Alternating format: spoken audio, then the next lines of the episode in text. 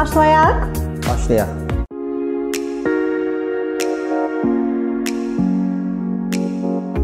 Biznesiniz üçün kölgəlik sistemləri yaradan Smart 10 şirkətinin sponsorluğu ilə verilişimiz davam edir. Dostlarım salam. Hər birinizi kanalımızda görməyimə çox şadam. Bu günlərim sizinlə yenə də mən Aytən Muxtarovayam. Bir çoxlarımız daima şəxsi maliyyəmizin idarə edə bilməməyimizdən şikayətlənir. Bəzilərimiz istirahətə gedə bilmirik, bəzilərimiz özümüzə lazımı pul ayıra bilmirik. Gəlin bugünkü qonağımızdan öyrənək ki, şəxsi maliyyəmizi əslində biz necə idarə etməliyik. Rafael bəy, salam. Salam, xoş gördük. Təşəkkür edirəm. Özünüzü izləyicilərimizə təqdim edərsiniz. Mən Rafael Müslümov, şəxsi maliyyənin idarə olunması sahəsində mentoram. Təxminən son 6-7 ildir təhsil sahəsində fəaliyyət göstərirəm. Mind Builder Club adında bir klub təsis eləmişik dostlarla və burada şəxsi maliyyənin idarə olunması həm dərsləri keçirilir, həm də istəyənlərə mentorluq fəaliyyəti göstəririk. Bundan əlavə də bir sıra başqa kiçik biznes fəaliyyətlərimiz var. Lap yaxşı. Rəfail bəy, baxın, az öncə də qeyd etdiyim kimi, həqiqətən çox maraqlıdır. Çünki bizə heç vaxt heç yerdə şəxsi maliyyəmizi necə idarə edə biləcəyimiz haqqında heç bir məlumat verilmir. Və biz bəzən düşünürük ki, bəlkə mən nə vacibi azalıram. Və yaxud da düşünürük ki, bəlkə əlavə işlər görüm ki, mən öz istəklərimi həyata keçirəm. Əslində bu necə olmalıdır? Çox çox qəşəng, çox gözəl e, nöqtəyə toxundunuz Aytan xanım. E, belə bir şəxsi maliyyədə danışanda bu yolun müəllimləri, böyüklər e, belə bir şey deyirlər ki, pulun çoxluğu problemləri həll eləmir. Yəni siz az məvacib aldınız və yaxud da çox məvacib aldınız, Bunun heç bir fərqi yoxdur. Siz əgər maliyyənizi düzgün idarə eləmirsinizsə, yenə maliyyə çətinliyi ilə qarşılaşacaqsınız.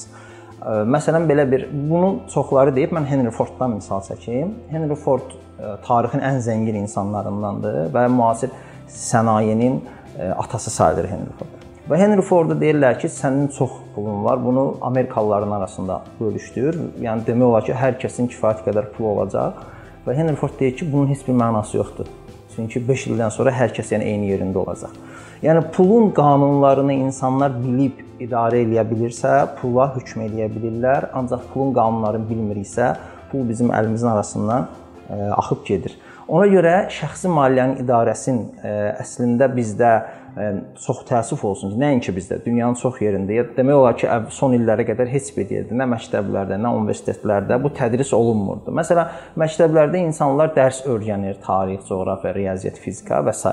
Universitetlərdə hansısa ixtisası öyrənirlər ki, bu ixtisaslarla işləyib pul qazanacaqlar. Ancaq bu qazandıqları pulu necə idarə etmək lazımdır, bunu onlara heç bir yerdə öyrətmirlər. Məsələn, Robert Kiyosaki belə bir maraqlı fikri var müasir dünyada ən çox satılan şəxsi maliyyə mütəxəssisidir Robert Kiyosaki. Məşhur Varlıatı Kasıbata bestsellerinin müəllifi. O deyir ki, bugünkü dünyada kasıblığın əsas səbəbi təhsil e, sistemidir, məktəb sistemidir.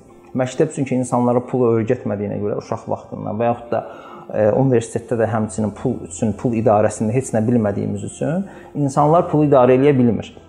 Ancaq son zamanlarda artıq Məsələn, Amerikada, Avropada bu çox geniş yayılıb. Hətta Türkiyənin özündə belə, qonşu Türkiyədə belə geniş yayılmağa başlayıb artıq bundan fəaliyyətdə olan insanlar var. Çox təəssüf olsun ki, bizdə hələ ki bu sahə ümumiyyətlə çox bilinmir. Məsələn, biz yeni başlayanda şəxsi maliyyə deyəndə insanlar ümumiyyətlə hələ tam başa düşmürlər, tuta bilmirdilər ki, söhbət nədən gedir, şəxsi maliyyənin idarəsi. Yəni deyirdim, Lord dildə ki, qardaş, cibindəki pulu idarə eləyəcək. yəni pulu idarə eləmək həqiqətən ə, çox maraqlı ancaq məsuliyyətli və nizam-intizam istəyən prosesdir. Bunun qanuna uyğunluqları var təbii ki. Məsələn, biz ən sadə primitiv bir şey deyim də, biz yemək bişiririk tutaq ki, məsələn, Azərbaycanlı hamımızın bildiyi məsələn bozbaş bişirir. yəni bunun bir yaxud plov bişirir. Bunun bir qanuna uyğunluğu var da, düzdür? Düyünü belə dəmləyirsiniz, əti nə bilim belə ə, bişirirsiniz falan. Bu yeməyi bir bişirməyin qanuna uyğunluğu varsa, ə, yəni kiçik bir şeydir də. Necə ola bilər ki, insan bütün həyatı boyu çalışdığı onun üçün çalışıb, onun üçün qazanıb, onun üçün nə etdiyi bir pulun idarə olunma qanunları olmasın. Yəni 100% ki, bunun qanunları var və bu qanunları bilib idarə edən insanlar pula hökm eləyə bilirlər. Ondan sonra maliyyə problemləri tədricən həll olur. Hətta az məvaciblə də olsa insanlar bu proseduru ə, bəzi qanunlar var ki, ardıcıl icra eləsələr, ortalama 5-7 ildir ki, dünya standartındakı 5-7 ilə maliyyə azadlığına çıxa bilirlər. Bu da hədəf maliyyə azadlığıdır. Bu haqqda yəqin şimdi danışacağıq ə, irəliləyən dəqiqələrdə. Yəni ortalama insan nizam-intizamla, səbirlə bu yolu getsə, hətta az məvaciblə olsa belə, hətta orta təbəqədən də və ya aşağı təbəqədən də olsa belə maliyyə azadlığına ə, çıxa bilər. Çıxa bilər. Bəli. Çox maraqlıdır. Çünki bəzi insanlar bunu bilmirlər. Əslində maliyyə azadlıqlarının onların daha çox işləyib, daha çox çalışır, daha çox fədakarlıq tələb edən e, bir məfhum olduğunu anlıyor, amma burada isə dostlarım bu heç də belə deyil. Bəs Rafael bəy, baxın, bunun e, deyirik ki, belə bir terminləri, qaydaları, qanunları vardır. Yəni ilkin olaraq deyim ki, bir standart Azərbaycanda maaş məbləği dövlət statistikasına uyğun olaraq səhv etmirəmsə 250 manat minimum e, minimum bəli, bəli minimum 250 manat vardır. Yəni bax bir gənc 250 manat və yaxud da bir gənc olmasın hər hansı bir şey 250 manat məbləğlə necə 5 ilə maliyyə azadlığına çıxa bilər? Aha. E, maraqlı sualdır. Burada əvvəl qərar qılaq ki, real, yəni 250 manatı birbaşa almırlar. Ondan biraz yuxarı alırlar. Hətta 250 manat olsa belə. Bəli. Məsələn, şəxsi maliyyədə standart qanunlardan biri budur ki, beynəlxalq bu artıq hər kəs tərəfindən qəbul olunmuş bir şeydir. Ümumi gəlirimiz nə olsa, gəlirimizdən asılı olmayaraq, gəlirimizin hər ay 10%-ni kənara qoyacağıq və o xərcləmə, xərcləmək üçün və yaxud da nə bilim tətilə getmək üçün, başqa bir şey üçün deyil. O ancaq yatırım eləmək üçündür. Ancaq investisiya eləmək üçündür. E, məsələn, sadə bir misal deyim. Bir insan tutaq ki, 300-500 nə qədər maaş alır. Hər ay e, gəlirindən e, kənara qoyur və il sonunda e, hər hansı bir yatırım eləyə bilər. Bu şirkət səhmi ala bilər. Misal bugünkü dövrdəki məşhurdur məsələn, kriptovalyuta ala bilər, qızıla yatırım eləyə bilər, e, hansısa şirkətlərin qiymət kağızlarını ala bilər. Yəni bu onun hər il bu yatırımların davam elətdirdikcə bu elə bir qartop effektidir də tədricən şişməyə başlayır və hər hansı bir e, kiçik də olsa passiv gəlir yarada bilər. E, məsələn, adi bir misalları deyirəm. E, kiçik bir şey alıb, məsələn, motosiklet alıb, moped alıb kirayə verə bilər, maşın alıb kirayə verə bilər. Bəli. Və yaxud da hər hansı məsələn uşaqlar çox oynayır, PlayStation alıb. Sadə misallar deyirəm. Yəni ki, bu hamının daha yuxarı şeylərdən danışmıram, mən şirkət səhmləri filan. Sadə şeylər ki, bunu alıb məsələn bir PlayStation-ı tutaq ki, neçə 100 manata alıb icarəyə verib ondan pul götürə bilər. Yəni əslində yollar var. Sadəcə insan ümumiyyətlə qərar verməlidir ki, bu işin başlanğıcı qərarlılıqdır da. Qərar verməlidir ki, mən bu yola çıxıram. Bu yola çıxıram deyirsə, onda istisnasız da hər ay gəlirinin müəyyən faizi. Məsələn, John Templeton var, dünya üzrə məşhur Templeton fondunun sahibidir. Bu milyarderdir bu adam. Və bu deyir ki, mən 19 yaşımda bir qərar verdim və o mənim indiyə qədər verdiyim ən yaxşı qərar idi. Mən nə etdim deyir, yoldaşımla bir yerdə qərar verdik ki, gəlirimizin 50% nə olur olsun, atırıq kənara, qoyuruq bunu kənara və onu ancaq yatırıma yönəldəcəyik. Və deyə təbii ki, o vaxt kasıb idik, e, çətin olurdu, xərclərimizi bəzən ödəyə bilmirdik, e, problemlər yaşayırdıq, ancaq onu kəsmirdik. Və deyir, o kənara qoyduğum yatırımları mən tədricən başladım dəyərləndirməyə və bu gün John Templeton, yəni demə, yəni tərifinə ehtiyac yoxdur. Məsələn, Warren Buffett-dən də bunu deyə bilər. Uşaq vaxtı qəzet satırdı velosiped sürürdü, qəzet satırdı, satdığı qəzetlərin pulunu yığırdı, yığırdı, bir neçə min manata, e, dollara çatdı və ondan sonra yatırım elədi. İlk yatırımını eləyir. Yəni bu cür istənilən insan bu yola çıxanda zaten e, insan elə bir e, yəni maraqlı bir varlıqdır ki, də bir yola çıxırsa, e, maraqla çıxırsa, istəklə çıxırsa, e, orada hər şey belə e, zahirdə göründüyü qaydalara uyğun getmir. Daha yaxşı, daha böyük şeylər olur. İnsan həqiqətən səy göstərir, çalışır. Yəni bir adam bu yola çıxırsa zaten 250 manatdan kifayətlənmir də, əlavə gəlir yaratmağı düşünəcək. Başqa bir şeylər eləyəcək ki, bugünkü dünyada artıq bu çox rahatdır da. Bu gün evdar bir xanım Instagram səhifəsi açıb, e, yemək bişirməklə, yəni e, onu təqdim eləməklə kifayət qədər pul qazana bilir də. Bu gün imkanlar çoxdur həqiqətən. Bəli, insanın tək istək olsun, istək olduqdan sonra bəli, hər bir bəli, bəli. yollar əlbəttə ki açılır. Baxın Rəfail bəy, əslində bizim doğru bilib də yanlış etdiyimiz daimi vərdişlər halına gələn Məsələn, nədir bunlar ki, biz bilmirik, amma bunlar yanlışdır və bu bizim maliyyə azadlığına çıxmamıza, bu bizim pulumuzun səhv səhv getməsinə. Baxın belə deyim də, bu yola çıxmaq üçün, bu yolda getmək istəyirsə insan, İlk öncə nədən başlamalıdır? Birinci belə deyək də, qanun hər şeyin hesab kitabını bilməlidir. Xərclərini qəpik-qəpik hamısını yazmalıdır. Məsələn, mentorluğa bizə gələndə insanlar, mən onlara tapşırıq kimi bunu verirəm ki, bir ay ərzində hər gün nə xərcləyirsənsə, hətta 20 qəpik beləncə pul vermisən, nə bilim 10 manat verib bəlkə də bilmirəm, nədirsə, hər nə vermisənsə, nə marşruta pul vermisənsə, hər son qəpiyinə qədər belə bunu yazırsan, böyük balaca fərqi yoxdur. Bütün xərcləri yazırsan.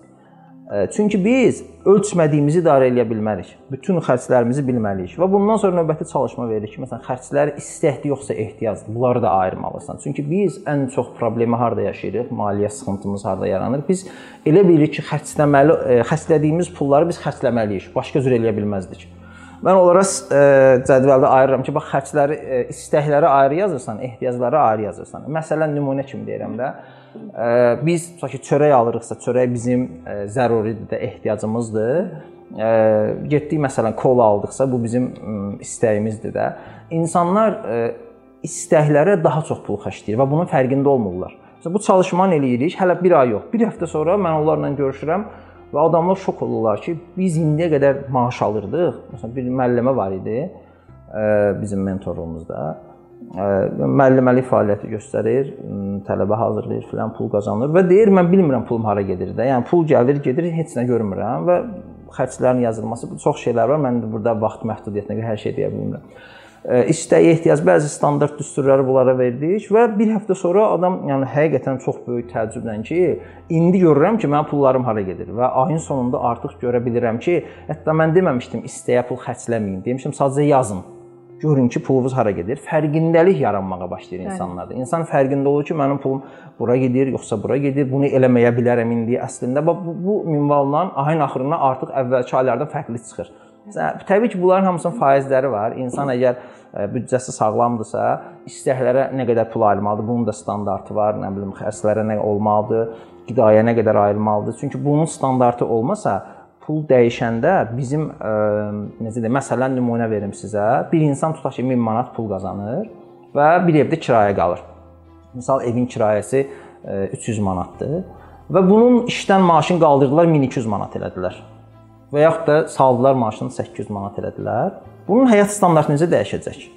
1200 manat gələn kimi nə edir insanlar adətən? Maaş artdı, gedim mən təzə telefon götürürəm. Maaş artdı, tez gedək filan yerə, filan şeyliyə, filan restorana. Amma əslində büdcəni faizlərlə böləndə, məsələn, büdcən nə olur olsun, sənin yemək faizin tutaq ki, büdcənin 25%, məsələn, kira faizi bu qədər, nəqliyyat bu qədər. 1000 manatın tutaq ki, 10%-in sən əvvəl e, istirahətə xərcləyirdinsə, indi 1200 manatın 10 manat 10%-ini xərcləyəcəksən. O faizlər yerindədir deyə pulun dəyişməsi səni çətinliyə salmır. Bu olmayanda insanlar bilmir nə edir. Əlinə pul azal, e, əlinə gələn pul azalır və yaxud da artır, o onu təlatümə salır və istər-istəməz düşür borca, borc bataqlığında, borcdan çıxa bilmir. Tənzimləyə bilmir. Tənzimləyə bilmir, bəli. Bəli, əslində burada bu, bu çox böyük rol oynayır. Həqiqətən bu bir çoxlarımız belə rastlaşırıq. E, bəzən düzdür, düşünürük ki, özümüzə kiçik hədiyyələr eləyirik, amma biz bunu həftədə nə qədər etdiyimizi zənn unuduruq. Bu təbii ki, büdcəmizə uyğun eləməliyik. Məsələn, əgər büdcə sağlamdırsa, bir insan 30%-ə qədər büdcəsini istəyə ayıra bilər. Amma indi burada hər şey e, tənzimləməlidir. Bunun e, istirahət, məsələn, mən bizim mentorluğumuzda bir nəfər var idi. İlin əvvəlində biz yanvar ayında onunla maliyyə hədəflərini qoyduq. İl sonuna 1 illik, sonra 5 illik, sonra uzun müddətli. 1 illik hədəfləri içərisində belə bir şey var idi. İstirahət planı var idi. İstirahətə getmək istəyirdi. Və e, Bu indiyə qədər o və digər də dostlarımız elə e, ətrafımızdan gördüyümüz hər birimiz tanışlar. Məsələn, istirahətə getməklə nə edirik? Həmin ayda baxır ki, əlimizdə nə pul var. Yoxsa gedir borc alırıq və yaxud da varsa tez məsələn yayda adətən insanlar nə olur, məzuniyyət pulu filan alırlar. E, həmin şeyin e, vaxtı, həmin pul vaxtı, həmin o ərəfədə e, onu ya hamısını xərcləyir və yaxud da xərcləmir, borc alır və bu problemlərə düşür. Amma biz ondan maliyyə planı qoyduq ki, hər ay sənin istirahət büdcəsi yaradırsan və istirahət büdcəsinə bu qədər pul qoyacaqsan. Bu, bu həmin vaxt çatanda heç bir əziyyət olmadan da heç bilmədim o pul hardan gəldi çıxdı. Onun təxmini şeyin istirahətini hesablamışdı ki, sən neçə manatlıq istirahətə gedirsən, neçə 100 manatlıq nə qədər istirahətə gedəcəksən. Hmm. Yəni əvvəldən bu tənzimləmələri aparanda, məsələn, borc məsələsi. Eynən elə borcun özü də sistematik bir şeydir. Yəni şəxsi maliyyədə hər şeyin düsturu var da, nizamla, hər şey nizamla getməlidir. İnsan nəsə borca düşürsə, Birinci borca düşməsinin ə, e, səbəblərini axtarsaq, xərclərə nəzarətsizlik, kredit kartları deyə şey, bunlar da nəzarətə alınmış şəxsi maliyyədə. Lap tutaq ki, düşdü bir insan, düşüb bataqlığa, sonradan gəlib həkimə. Və nə etməli? E, bunun özünü bir faiz təyin olunur. Borc büdcənin neçə faizi olmalıdır? İnsan əslində borc alanda bunu nəzərə alıb borc almalıdır ki, mən hər ay büdcəmin məsələn 20% qədəri borc qaytara biləcəm və borc alanda da bunu nəzərə almalıdır ki, bu qədərini qaytara biləcəm və bu qədər borc götürə bilərəm. Borcu ödəyəndə bunun özünün düsturları var ki, bunu necə eləməliyəm? Nə bilim, əlimdə qalan pulun 50-50 qanunu ilə və yaxud yəni bütün bu proseslər tənzimləməklə aparılanda e, borc planı da qurulur, xərc planı qurulur, istirahət planı qurulur, ondan sonra maliyyə azadlığı hesabı ki, o yerindədir, investisiya hesabı o qurulur. Yəni biz ən birinci həmişə kim gəlirsə, maliyyə azadlığı hesabı qururuq ona. İnsanlar çünki hədəf maliyyə cəhətdən, pul cəhətdən hər kəs e, maraqlı bir dənə ifadə var. E, maliyyə azadlığı çox, çox deyilir də maliyyə azadlığı, amma deyilir. Ə, amma əslində maliyyə azadlığı nədir? E, indi biz məsələn auditoriyada olsaydı çox maraqlı bir sorğu keçirdərdik. Gələ burdan ünvanlayaq da məsələn ki, zənginlik nədir? Sual verək ki, insanlara zənginlik nədir? Kimə varlı deyirlər də? Çox pulu olanmı? Ayda milyon qazananmı, nə bilim filan şirkətin CEO-sumu, zəngin kimə deyirlər. Bu bu tərifi Buckminster Fuller gətirib ə, və Nobel mükafatı alan ə, məşhur mütəfəkkirlərdəndir. Və bunu da ə, bir çoxları, məsələn, Harvey Kerr, Bodo Schaffer və yaxud da Robert Kiyosaki özü də gətirir bu ifadəni ki, zənginlik əslində zamanla ölçülən məfhumdur. Zənginlik pulun, maaşın çoxluğu deyil. Çünki sən bu gün işləyib çox maaş alırsan, sabah işdən çıxdın, maaşsız qaldın da, deməli zəngin deyilsən. Zənginlik odur ki, işləmədiyin müddətdə də sənin bir standartın var, o standartda yaşamalısan. Məsələn, ayda 1000 manat xərcin varsa, 1500 manat passiv gəlir deyirik də biz ona hər məsələn evimiz var kiradadırsa, şirkət səhmi varsa, oradan dividend gəlirsə, bizə bankda pulumuz varsa, oradan pul götürürüksə və s. də işləmədən bizə gələn puldan söhbət gedir. Yəni 1500 məsələn bizim passiv gəlirimiz var, 1000 manatlıq xərcimiz varsa, deməli biz maliyyə azadlığındayıq. İndi biz həyat standartımızı yuxarı qaldırıb 5000 manatlıq həyat yaşamaq istəyiriksə, ona görə passiv gəlirimizi 5000 manatdan çoxa qaldıraq. çoxa qaldıraq. Ona görə birinci gələn kimi dostlara maliyyə azadlığı hesab açırıq biz. İnvestisiya hesabı deyil. Hər ay gəlirindən müəyyən qədər təyin edir ki, bunu o hesaba qoyursan və dəymirsən. Bu sənin deyil. Hə, sənin gələcəyinindir. Düz olan da budur bəli, zaten. Bəli. Düz olan da budur. Həqiqətən. Məsələn, Faiz baxın, e, valideynlər deyim ki, indi belə düşünürlər də, indi deyirlər ki, fürsət var. Uşağım üçün gün ağlayıram Bir onun üçün aktiv və yaxud da bir passiv gəlir nəsə bir şey fikirləşir. Hələ düşünən valideynlərə əhsən, çox təəssüf. Valideynlər belə düşünmür çox. Var belə düşünənlər. Həqiqətən məsəl üçün düşünürlər ki, övladım üçün pul yatırım, 18 yaşında məsələn kassadan çıxarda bilsin Bəli. və yaxud da bir çalışım bir iki otaqlı bir ev alım. Bu dövr ərzində məsəl üçün oradan gələn pulu onun məktəbində nəyinəsə xərcləyim. Bunun nə qədər düz, doğru və yaxud da yanlış olduğunu necə dəyərləndirərdiniz? Hə, əla. Uşaqlarda maliyyə ümumiyyətlə çox mühüm məsələdir. Əslində bu tam yeni bir sahədir də, uşaqlarda pulun idarəsi. Bu yaxınlarda bizim Səfəvidə də bir çəkilişimiz oldu. Uşaqlarda pulun idarəsi. Şəxsi maliyyə o çəkilmişdi, orada var. Hə. O hələ ki montaj hissəsi gedir. Yəqin ki bu yaxınlarda yerləşdiriləcək. Yəqin bizim verilişdən qabaq o çıxacaq. Bizdə Bəlkə hə bilmirəm indi ola bilsin indi e, orada hələ ki işlər. Yəni çəkiliş bitib. Yəni demək istəyirəm orada çox şey danışmışıq. Çox Burada hə. yəni bir neçə cümlə deyə biləcəyik də. E, uşaqlarda ümumiyyətlə pulun e, uşaq vaxtından əslində valideynin birinci görəcəyi iş o aktiv eləməsi yaxşıdır, təbii ki, yaxşıdır. Amma uşağın özünü hazırlamaq lazımdır. Uşağı biznesmen kimi, uşağı sahibkar kimi böyütmək lazımdır. Çox təəssüf olsun ki, bizdə adətən necədir də təfəkkür tərzi ən yaxşı halda məmur yetişdiririk uşaqları. Oxu, universitetə gir, iş tap, işdə, sonra da pensiya al. Standart bizə olunan tövsiyələrdir də. Bəli, bəli. Yəni deyirəm, çıxacaqsan, cavan pensiyaya çıxacaqsan. Hə. Yəni dövlət qulluğuna gir, orada yəni deyirəm, bunlara qarşı deyilik, oxumağa qarşı deyilik, oxumaq lazımdır, universitetə girmək, hər şey əla. Ancaq uşaqlarımızda biz nəyi yetişdirməliyik? Onlara pulla davranma qanunlarını öyrətməliyik, pulun düsturlarını öyrətməliyik, onlara sahibkar kimi düşünə bilməyi öyrətməliyik, fürsətlərdən istifadə etməyi öyrətməliyik.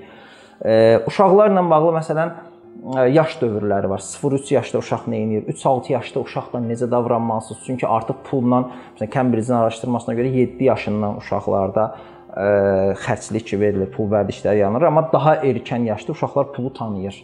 Məsələn 5 yaşında, 4 yaşında uşaq artıq bilir ki, nəsə alanda pul verirlər, valideynin pul verməsi mən filan şey ala bilməyəcəm və tədricən hər yaşa görə uşağın pulla davranma vərdişi dəyişir. Məsələn 13 yaşında əslində valideyn elə yetişdirməlidir ki, onu 13 yaşında uşaq yatırım eləməlidir, investisiya eləməlidir artıq. 13 yaşından e, gəlir görməlidir, qazanc görməlidir 13 yaşından. E, yəni bu 13 yaşında eləyə bilər. Həqiqətən uşaqda o bəli, potensial var, ki, 10 yaşından bunu edənlər də 10 var. 10 yaşından, bəli. Çox üzr istəyirəm Rəfail bəy. E, yəqin ki, bu veriliş çıxana bizim bir e, verilişimiz yayımlanacaq. Orada 10 yaşında belə Əlbə. biznes qurmur e, uşaqlardan sırt danışıqlar gedəcək və bunu da gözəl, ona görə edəcək ki, çünki bu bizim cəmiyyətdə yoxdur. Valideyn bu sualı mən ona görə əslində ünvanladım ki, baxın, valideynlər əllərinə keçən pulu, öz boğazlarından kəsdiyi pulu düşünürlər ki, uşağım üçün necə saxlayım. Və bunu həqiqətən də o döv o vaxta qədər qoruyub saxlayıb çatdırırlar. Okay, aşılır. Amma o övlada o pulu, o marketi, o evi, o biznesi necə idarə edə biləcəyini aşılamır əslində. E, baxın, pul belə bir şeydir ki də, e, biz pula hökm edəcək e, intellektdə, pula hökm edəcək mənəvi vəziyyətdə, pulu idarə edə biləcək gücdəyiksə də e, çox rahat şəkildə o uşağa verilən pulu uşaq idarə edəcək. Əgər uşaq ona hazır deyilsə, ona verilən pullar onun əlindən çıxacaq. Məsələn, loteriya qaliblərini götürək də. Bəli. 90%-dən çox, təxminən 95% insan loteriya qalibləri əvvəlkindən pis vəziyyətə düşürlər. Əvvəlki isə əvvəlkindən pis vəziyyətə düşür. Niyə? Çünki pulu idarə eləmək qabiliyyəti formalaşmadan əlinə çox pul gəlib. Ona görə ə, e, idarə eləyə bilmir, düşür çətinə. Pul gedir, bilmir nə edir. E, mənasız işlər görməklə məşğul olur və pulun hamısı əlindən çıxır. Ancaq bayaq əvvəldə dediyimiz kimi də o Henry Ford misalında, yəni kim pulu idarə edə bilirsə, pul ona tərəf axır. Həqiqətən belədir də, pulu özünə tərəf çəkir. İdarə edə bilmirsə, pul ondan qaçır. Pulun belə bir qanunu var da. Ona görə uşaqlarımıza pula hökm etməyi öyrətməliyik. Uşaqlarımıza adi primitiv misalları deyirəm. Məsələn, ə, orada indi çox geniş, çox təəssüf olsun ki, burada vaxt yoxdur. Mən çox şey deyə bilmirəm. Adi məsələn kiçik uşaqlardır, 8 yaşı var, 7 yaşı var. Valideyn nə edə bilər? Marketə gedəndə alış-veriş eləyəndə e, uşağa tapşıra bilər ki, bu günlük məsələn axşam yeməyimizin alış-verişini sən eləyəcəksən və yaxud da ümumiyyətlə bir, bir günü tapşıra bilər ki, bir gün evi sən idarə edəcəksən, bu qədər pul belə olacaq. Və yaxud da xərcliyi məsələn əvvəl günlük yox, sonra həftəlik vermək, e, tədricən 1 yaşdan sonra, 9 yaşdan sonra həftəliyə öyrətmək lazımdır ki, onlara həftənin ərzində pulu idarə eləsin. Pulu alan kimi onu bölmək lazımdır. Bu sənin pulunun bir hissəsi investisiya eləmək üçün ayırmalısan, bir hissəsini xərci üçün ayırmalısan. Uşaqları məsələn aparıb e, e, broker şirkətlərdən tanış eləyə bilərik. Aparıb orada şirkətlər necə işləyir göstərməliyik. Məsələn, getdi oturdu uşaq restoranda, Star Starbucks-da oturub kofe içir məsələn valideynlə və yaxud da getdi misal üçün də indi istənilən şirkət sütə getdi. Ya getdi oturdu restoranda, adətən valideyn nə edir? Uşaqla yemək yeyir, çay içir, kofe içir, durur gedir. Bəli. Amma valideyn nə etməlidir? Orda ə, e, görünən də o yemək yedi, su içdi, getdi. Görünməyəni uşağa öyrətməlidir ki, burada pul axınları var. Və burada yer var, bu yerin sahibi özü burada yoxdur amma pul qazanır.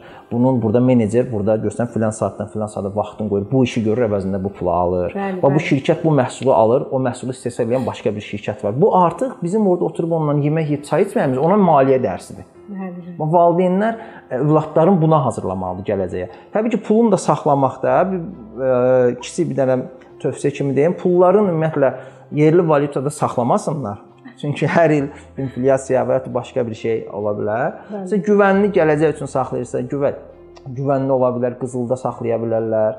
Ondan sonra bəzi e, güclü şirkətlərin səhmləri ki, yüksələ-yüksələ gedir. Məsələn, səhmlərini ala bilərlər.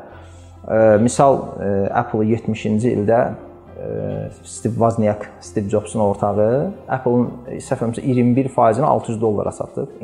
Defli 21% neçə neçə 100 milyarddır da. Yəni məsələn şirkətlərin səhmlərini ala bilərlər övladları üçün. Yəni sadəcə manatda saxlamaq ildən ilə pulu azaldır. Hər il inflyasiya gəldikcə bu ayrı bir mövzudur. Sadəcə fürsətdir deyə deyirəm ki, əgər belə bir şey bəli, eləmək bəli. istəyən valideynlər varsa, bu bundan məsləhət almamış eləməsinlər. Çünki heyf olacaq pulları manatda bəli. saxlamaqla pulları heyf ola bilər. Yəni əziyyətlərinə heyf olacaq. Əziyyətlərinə bəli. Əziyyətlərinə heyf olacaq. Rəfaət bəy, baxın, yəni valideynlərin yaralı belə yeridir bu. Uşaq bir müəyyən yaşa çatır, artıq ona xərclik verirlər. Verdiyin xərclik bilirsiniz bir günə yoxdur. Bir günə. Və yaxud da baxırsınız ki, elə uşaqlar da var ki, mənim müəllimələrimdə də vardı. Onlar o pulu yığırdılar, e, daha sonra hədiyyə edirdilər. Yəni bu xərcliyin vermə bir metodu və uşaq bunu necə etməlidir? Bu haqqda nə deyə bilərsiniz? Əla, çox aktual, əslində çox maraqlı mövzudur da. Uşaqlarda maliyyə məsuliyyətinin, maliyyə təhsilini formalaşdıran ən əsas vasitələrdən biri cib xərcliyidir. Onlara xərclik verməkdir. Bəlkə də elə hər şey bunun üstündə qurmaq olar da çox mühüm məsələdir. Cib xərcliyi verilməsində birinci bunu deyim ki, hər yaş dövrünün özünə uyğun proseduru var. Məsələn, 6 yaşdan artıq cib xərcliyi 7 yaşdan ki, uşaq artıq məktəbə gedəndən cib xərcliyi ki, rahat verilir də uşaqlara. Onda adətən günlük verilir. 6-9 yaş arasında adətən günlük verilir. Biz xəstliyi verəndə də uşaqlarda da xəstliyi verdik, neynəsin yox, belə olmamalıdır. Xəstliyi verəndə uşaq aydın bilməlidir ki, bu xəstlik mənə nə üçün verilir? Bundan hansı öhdəliklərim var? Bundan nə etməliyəm? Və biz onu təşviq eləməliyik ki, bax sən hansısa qənaət bu xəstliyin bir hissəsinin 10% ağır qənaəti uşaq vaxtında qənaət eləməli öyrənsin investisiya üçün. 10%-in xeyriyyəyə ayır, hansısa bir xeyriyyə işlərinə özü hətta aparaq biz o pulu uşaq yığdı, bizə verdi, biz aparıb xeyriyyə işinə verdik. Yox, uşağın özünü aparaq özü versin. O cəmiyyətdə sosial məsuliyyət götürə bilsin. Bəli və digərin xərcliyə tutaq ki, qalan məsələn 80%-ni xərcliyə ayırırıqsa, xərcliyi də bilməli, aydın bilməlidir ki, bu hansı xərclər üçün məktəbdə filan şey eləyəcək, evdə filan şey eləyəcək. Pul yığmağa məsələn qənaət eləmək, təşviq eləmək üçün də maraqlı bir şeylər, hədəflər qoya bilərik. Yəni məsələn velosiped istəyirsə, deyə bilərik ki, sənə biz velosiped almırıq, sənə xərclik veririk xəstəliyi tutaq ki, məsələn, bir az hər dəfə adca artıq verəcək, amma velosipedi özün yığıb alacaqsan. Hı. Maraqlı qab düzəldib üstünə velosiped şəkli qoyub belə demir, uşaqlara çox təşviq edici olur o. Məsələn, müəyyən qədər yığıbsa da onu təşviq də eləmək olar ki, məsələn, uşaq 100 manatı yığdısa, deyə sən 100 manatı yığa bildiyinə görə bizdə hədiyyə olaraq bu 100 manatın üstünə filan qədər qoyuruq. O onu çox motivasiya eləyə bilər də. Yəni bu cür metodlardan eləyə bilərik. Məsələn, 9 yaşdan sonra yaxşı olar ki, uşağa ə, günlük yox, həftəlik xəstəlik verilsin. Və təbii ki, əvvəl verilən kimi uşaq xəstəliyi xəstələyəcək. Bir günə xəstələyəcək. Uşağı xəstələyəndə yenidən pul vermək lazım deyil. O, məsələn, bizdə necədir böyük insanlarda? Maaşı xərcləsə, o növbəti aya qədər heç kimə maaş vermir də. Əlbəttə ki. Və o da o məcbur maaşı idarə edir ki, ayın axırına çıxartsın da. Uşaq da bilməlidir ki, mən bu pulu xərcləsəm, mənə əlavə pul gəlməyəcək. Onu bir dəfə yaşayandan sonra özü nizamlayacaq onu, artıq həftəliyə salacaq. Amma bunu da asanlaşdırmaq üçün belə eləyə bilərik ki, əvvəl 1 gün yox, 2 günlük verə bilərik, 3 günlük verə bilərik, tədricən 4 gün, 5 gün və belə-belə bir həftəliyə çıxarda bilərik. Tədricən 13 yaşdan sonra artıq aylıq vermək olar uşağa xərci ki, ay ərzində sən artıq 1 aylıq pulumuzu veririk. Onu da məsələn 1 həftə əvvəl 10 günlük eləyə bilərik, 15 günlük belə-belə çatdıra bilərik. Bir də xəstəlik veriləndə maraqlı bir dənə nüans var ki, bunu bax uşaqlara necə eləyək ki, bu xəstəlik uşağın özünü inkişaf elətdirməyə səbəb olsun da. Hansı işlərə görə verək? Uşaq necə məsuliyyət götürə bilsin bu xəstəliyə görə? İşləri bir qrup, bəzi qruplara bölə bilərik. Məsələn, birinci qrupda uşağın özünün məsuliyyətləri, misal dişini yudu, məktəbdən gəldi, əlini yudu, yerini tutaq ki, yığdı. Yəni bu zaten onun üstündə olan işlərdir, zaten öz məsuliyyətində olan işlərdir. Bu işlərə görə biz ona heç nə vermirik. Yəni hansısa bir hədiyyə lazımdır ailəsinə, ətrafına qarşı sosial məsuliyyəti olan işlər. Məsələn, evdə zibili apardı, atdı uşaq da, həyətə apardı, atdı. Yəni bunu biz ə, e, əgər pul versək bu şeyə görə, o artıq evdə hansısa bir məsuliyyət götürməyəcək. Özün evdən bilməyəcək və yaxud da e, kiməsə tutaq ki, balaca bacısına, qardaşına dərsində kömək edirsə, e, bu artıq e, onun fikirləşəcək ki, hər şey pulla verirəmsə, bu bu artıq biraz fərqli tip böyüdürük də. Hə, yəni bəzi işlər var ki, bu uşağın artıq ətraf mühitə qarşı məsuliyyətidir. Bunları da belə deyək də pul verməyib bu işlər üçün də. Ona başa salırıq ki, bu sənin məsuliyyətindir. Yolda yaşlı insan gördün, kömək eləməlisən, yol keçəndə, Hı. evdə ataya, anaya filan kömək eləməlisən. Amma bir qrup 3-cü mərhələdə isə biz hansısa bir işlər var ki, bu uşağın üstündə deyil, məsuliyyətində deyil. əlavə bunun yaradıcılığına səbəb olur. Əlavə gördüyü iş olur. Bu uşaq bu işi görə bilər. Ona görə biz ona pul verə bilərik. Məsələn indi bu insanlara görə dəyişə bilər. Elə adam ola bilər ki, ata deyər ki, məsələn, maşınımı yu, onsuz mən yuduzduracam moykada. Sən elə o cür yaxşı yuysan, mən o pulu sənə verəcəm. Misal üçün də. Uşaq və yaxud yuxarı sinifdə oxuyur tutaq ki də kimlərsə varsa qonşuda, dostu, tanışı deyə bilər ki, mən aşağı sinifin uşaqlarını hazırlayıram, dərslərini öyrədirəm, onların gündə 1 saat məşğul oluram. Buna görə məsələn tutaq ki, mənə bu qədər ödəniş eləyəcəksiniz. Bu artıq ondan heç kimin gözləmədiyi bir şeydir də. Bəli. Bu ə, onun hə, pul qazanmağı öyrədir artıq Bəli. bu onu da. Yəni bu 3-cü qrup yəni ona pul qazanmağı öyrədir 3-cü period deyək də buna. Bəli. Və 4-cü periodda artıq valideyn ümumiyyətlə uşağa sahibkar ə, olmağı öyrətməlidir. Uşağı yəni düşüncəsi ilə işləməlidir. Onunla söhbət eləməlidir. Aktiv nədir, passiv nədir, onun maliyyə azadlığı nədir, şirkətlər necə işləyir, filan şirkətin gəliri necədir, sən gələcəkdə bunu necə görürsən, ondan fikir mübadiləsi aparmaq lazımdır. Səncə belə olsa necə olar? Biznes oyunlar məsələn, pulla bağlı oyunlar var. Ən məşhurları məsələn Kəşfli oyunu var Robert Kiyosakinin. Çox yaxşıdır. Pul təhsili verir. Oyun təhsili də demək olar başdan ayağa. Uşaqlar üçün də var o. Yəni 12 yaşdan yuxarı böyüklər üçün də var. Hmm. E, yəni onu uşaqlar üçün olanı da oynada bilərik 12 yaşdan aşağı və yaxud 12 yaşdan yuxarısa uşağımıza gəlir, onu da oynada bilərik. O oyunlar vasitəsilə pul idarəçiliyini öyrədir e, uşağa. Yəni uşağı cib xərci vasitəsilə biz elə bir uşağı e, yetişdiririk. Cib xərci ilə verdik ki, xərcdə bu olsa uşaq yetişmədən böyüyür. Bəli, bəli. Məsuliyyət götürmür, pul idarə etməyi öyrənmir. Amma təbii ki, dediyimiz kimi həm bölür, həm investisiya qoymaq üçün və biraz pul yığıldı, ona investisiya qoyulur, oradan gələn pulu görsə, bu sənin pulundur, sən qazandın bunu. Bəli. O artıq 18 yaşına çatana qədər nələr eləyəcəkdir.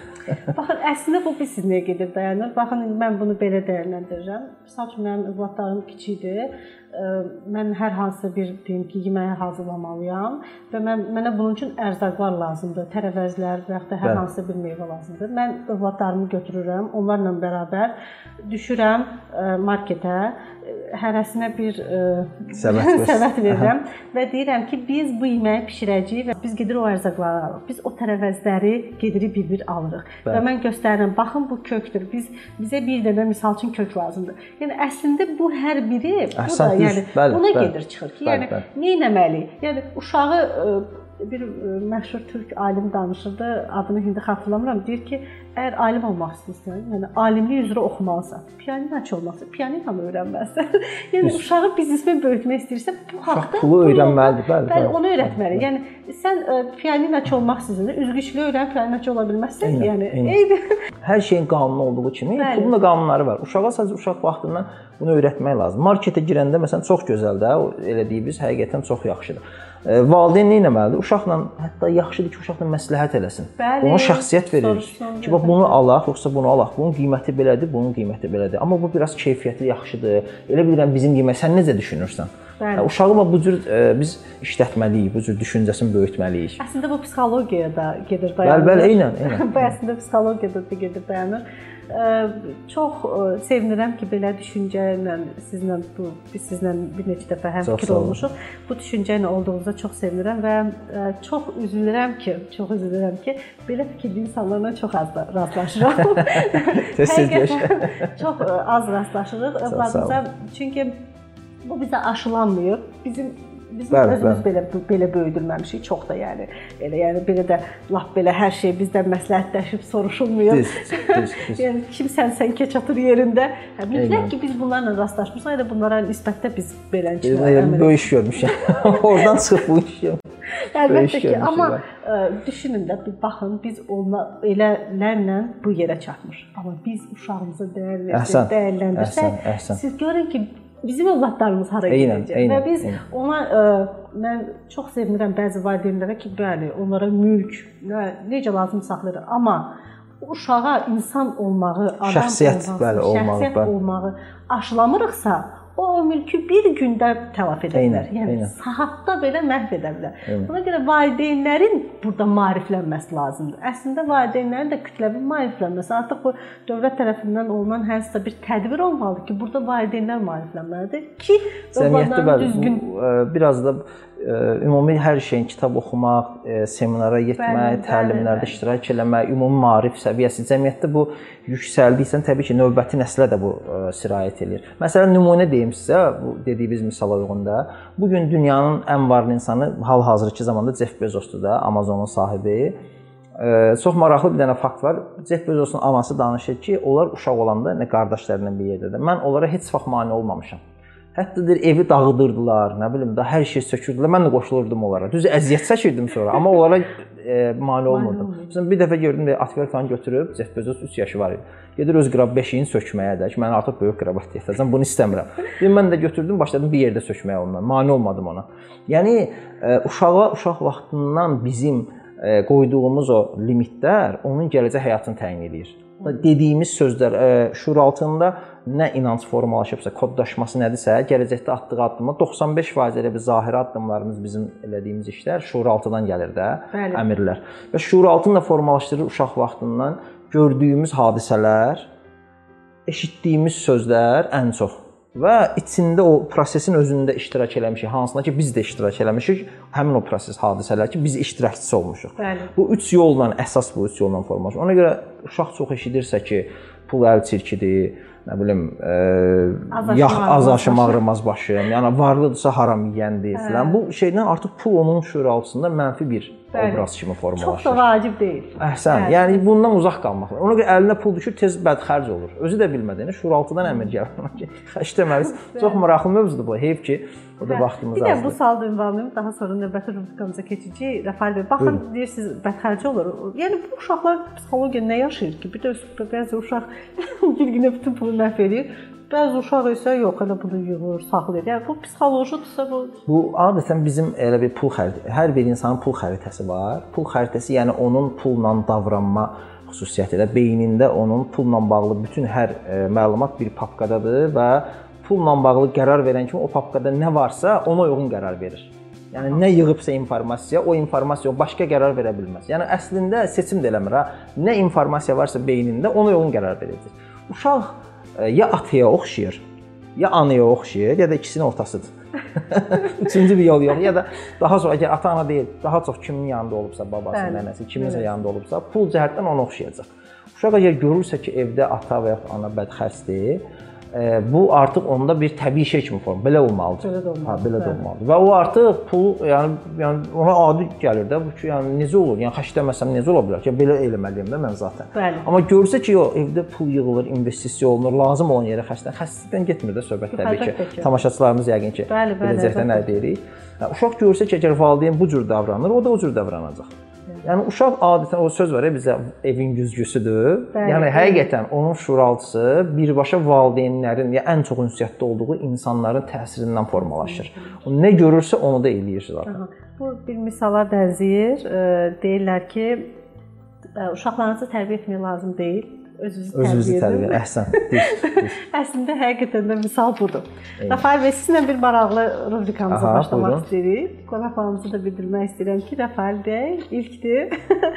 Deməli, Rafael bəy bundan ibarətdir ki, biz sizə 10 dənə sual ünvanlayacağıq. Tamamilə bu mövzularda heç bir adəti olmayan suallardır. Ağlınıza gələn ilk fikri Aha. tez zamanda bildirməlisiniz və mən çalışana qədər sizə sualları tez ünvanlayacağam. Aha, aha. Siz də çalışana qədər aha, buna tez hazırlaş. cavab cavab verməlisiniz. Aha, buyurun.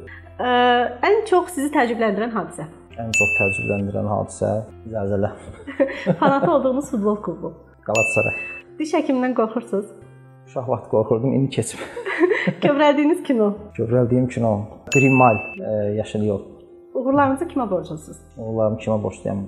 Maraqlı sualdır. Uğurlarımı məncə elə bilirəm dostlarımı, daha çox dostlarımı. 6 vur 8. 48. İlk sevdiyiniz xanımın adı. İlk sevdiyiniz xanımın adı.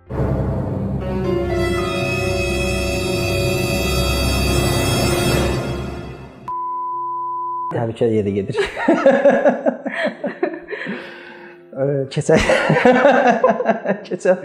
Təhlükəli yerə gedir. Ananızı son dəfə nə vaxt qucaqlamısınız? Təxminən 1 həftə əvvəl. Ha. Sabah öləcəyinizi bilsəz, nəyi etmədiyinizə peşman olarsınız? Bəzi şeylər var ki, bəzi insanlarla deməmişəm onları peşman ki, gərək deyərdim. 10-cu sualdır. Bizim verilişimizdə nəyi bəyənmədiniz? Allah, bəyənmədiyim şey olmadı. Təşəkkür edirəm. Səmimi cavablara görə də çox sağ olun Rəfail bəy. 10 sualımız bitdi. Dəyərli izləyicilərimiz, bununla kifayətlənmirik əlbəttə ki. Rəfail bəy, izləyicilərimiz üçün nə hədiyyə gətirmisiniz? Aha. İzləyicilərimiz üçün belə eləyə bilərik də biz hədiyyə kimi bizdə ki mentorluq fəaliyyətidir işimiz. Bir dəfəlik mentorluq hədiyyə eləyə bilərik. Bir dəfə görüş hədiyyə eləyə bilərik, ödənişsiz. Və bir də mən kiçik də olsa bir kitab gətirdim dostlarımız üçün. Bu İsaq Pintoseviçin Varlan kitabıdır. Bu müxtəlif mövzularda kitabları var. Şəxsi inkişaf və biznes sahəsində çox məşhur yazarlardan biridir. Mən mövzumuz puldur deyə Varlan hissəsini gətirmişəm. Elə bilirəm izlə. izləyicilərimizə maraqlı olar, faydalı olar. Yaxşı, xoş mütaliələr arzu edirəm. Sual da belə eləyə bilərik ki, rahat olsun. Ümumi biz biraz bəzi şeylərdən çox danışdıq. Daha detallı, daha dəqiq olsun ki, rahat tapa bilsinlər. Məsələn, biz cib xəstəliyindən danışdıq, uşaqlara verilən cib xəstəliyindən danışdıq. Orda neçə mərhələdən danışdıq? 4 mərhələdən danışdıq. Bir mərhələsində dedik ki, biz o mərhələdə uşaqlara pul verə bilərik o işin qarşılığında. O neçənci mərhələ idi? Onun cavabını sizə desinlər hədiyyələri götürsünlər. Dostlarımız şərhlər bölməsində bunu bildirəcəksiniz. Daha sonra biz bunu Instagramdan, e, proqram üzərindən bütün doğru cavab yazanları seçəcəyik və sizinlə paylaşacağıq. Sözsüz ki, qalibin özündən də burada tanış olacağıq. Daha sonra əlaqəsində sizə yönləndirəcəyik. Rəfail bəy, səmimi söhbətə görə, dəvətimizi təşrif buyurub gəldiyinizə görə həqiqətən təşəkkür edirəm sizə. Şad oldum bir daha sizinlə həmsöhbət olmağınıza. Var olasınız. Elə eynən qarşılıqlıdır. Həqiqətən çox gözəl ortam, çox gözəl söhbət. E, yəni hər şey əla idi. Yəni demək, elə bayaq verdiyimiz sualda da həqiqətən neqativ heç nə yoxdur. Çox sağ olun, təşəkkür, təşəkkür edirəm. edirəm. Dostlarımız belə. Bugünkü videomuzdan da bu qədər. Bizi izləməyi unutmayın. İzləyənlərimizin əsası kanalımıza abunə olmayanlardır. Kanalımıza abunə olmağı unutmayın. Sağ olun.